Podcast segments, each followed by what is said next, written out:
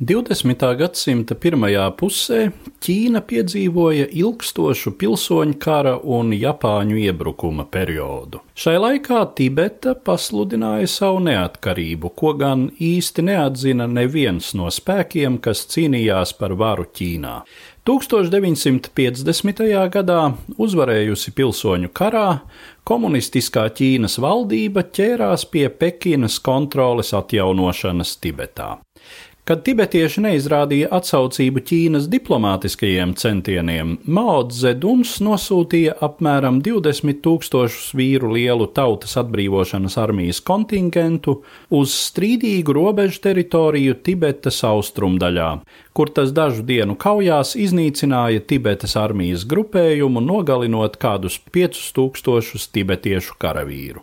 Apmēram mēnesi pēc šī notikuma par Tibetas valdnieku oficiāli tika kronēts Dalai Lama 14. Tenzins Gjatso, tobrīd 15 gadus vecs pusaudzis. Tomēr viņa vecumam nebija būtiskas nozīmes notikumu tālākajā attīstībā. Tibetai neatlika nekas cits, kā padoties pārspēkam.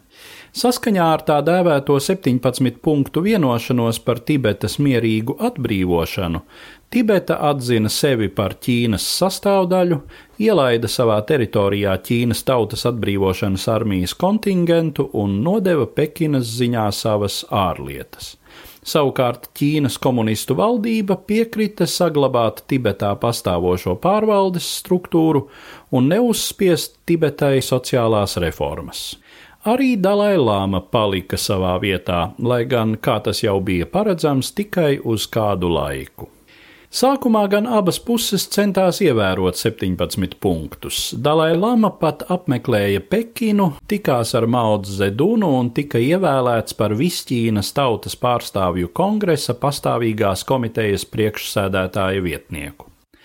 Tomēr slepenībā Tibetas līderis sāka interesēties par iespējām rast politisko patvērumu Indijā un arī organizēt sacelšanos, sadarbojoties ar Savienoto Valstu centrālās izlūkošanas pārvaldi.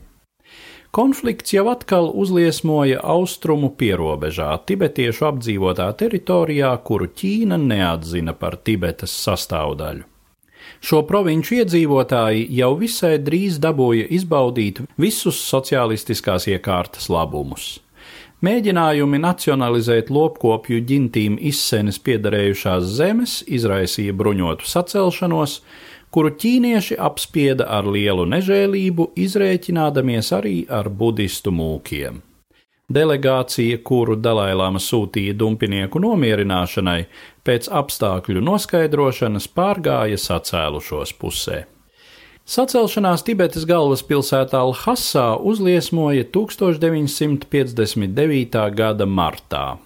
Viss sākās ar uzaicinājumu Dalai Lamam apmeklēt kādu pasākumu Ķīnas Tautas atbrīvošanas armijas kontingenta štābā radās aizdomas, ka komunisti plāno arestēt Dalai Lamu, un ar šīm aizdomām pietika, lai cilvēki izietu ielās. Pūlis izrēķinājās ar ierēdņiem, kurus uzskatīja par nodevējiem, pasludināja Tibetas neatkarību un sāka celt barikādes. Cerības uz uzvaru gan bija niecīgas. 15. martā, kad Dalailamas vasaras rezidences tūmā parādījās Tautas atbrīvošanas armijas artilērijas pozīcijas, kļuva skaidrs, ka tālāka valdnieka uzturēšanās galvaspilsētā un Tibetā vispār kļuvusi pārāk bīstama. 1959. gada 17. martā, kad pie pilsētas eksplodēja vairāki šāviņi, Dalai Lama 14. pameta Lhasu un 30. martā šķērsoja Indijas robežu, lai neatgrieztos savā zemē līdz pat šodienai. Sacelšanos apspieda jau pēc dažām dienām, tajā nogalināto tibetiešu skaits pēc dažu avotu ziņām pārsniedz 80 tūkstošus. Stāstīja Eduards Liniņš.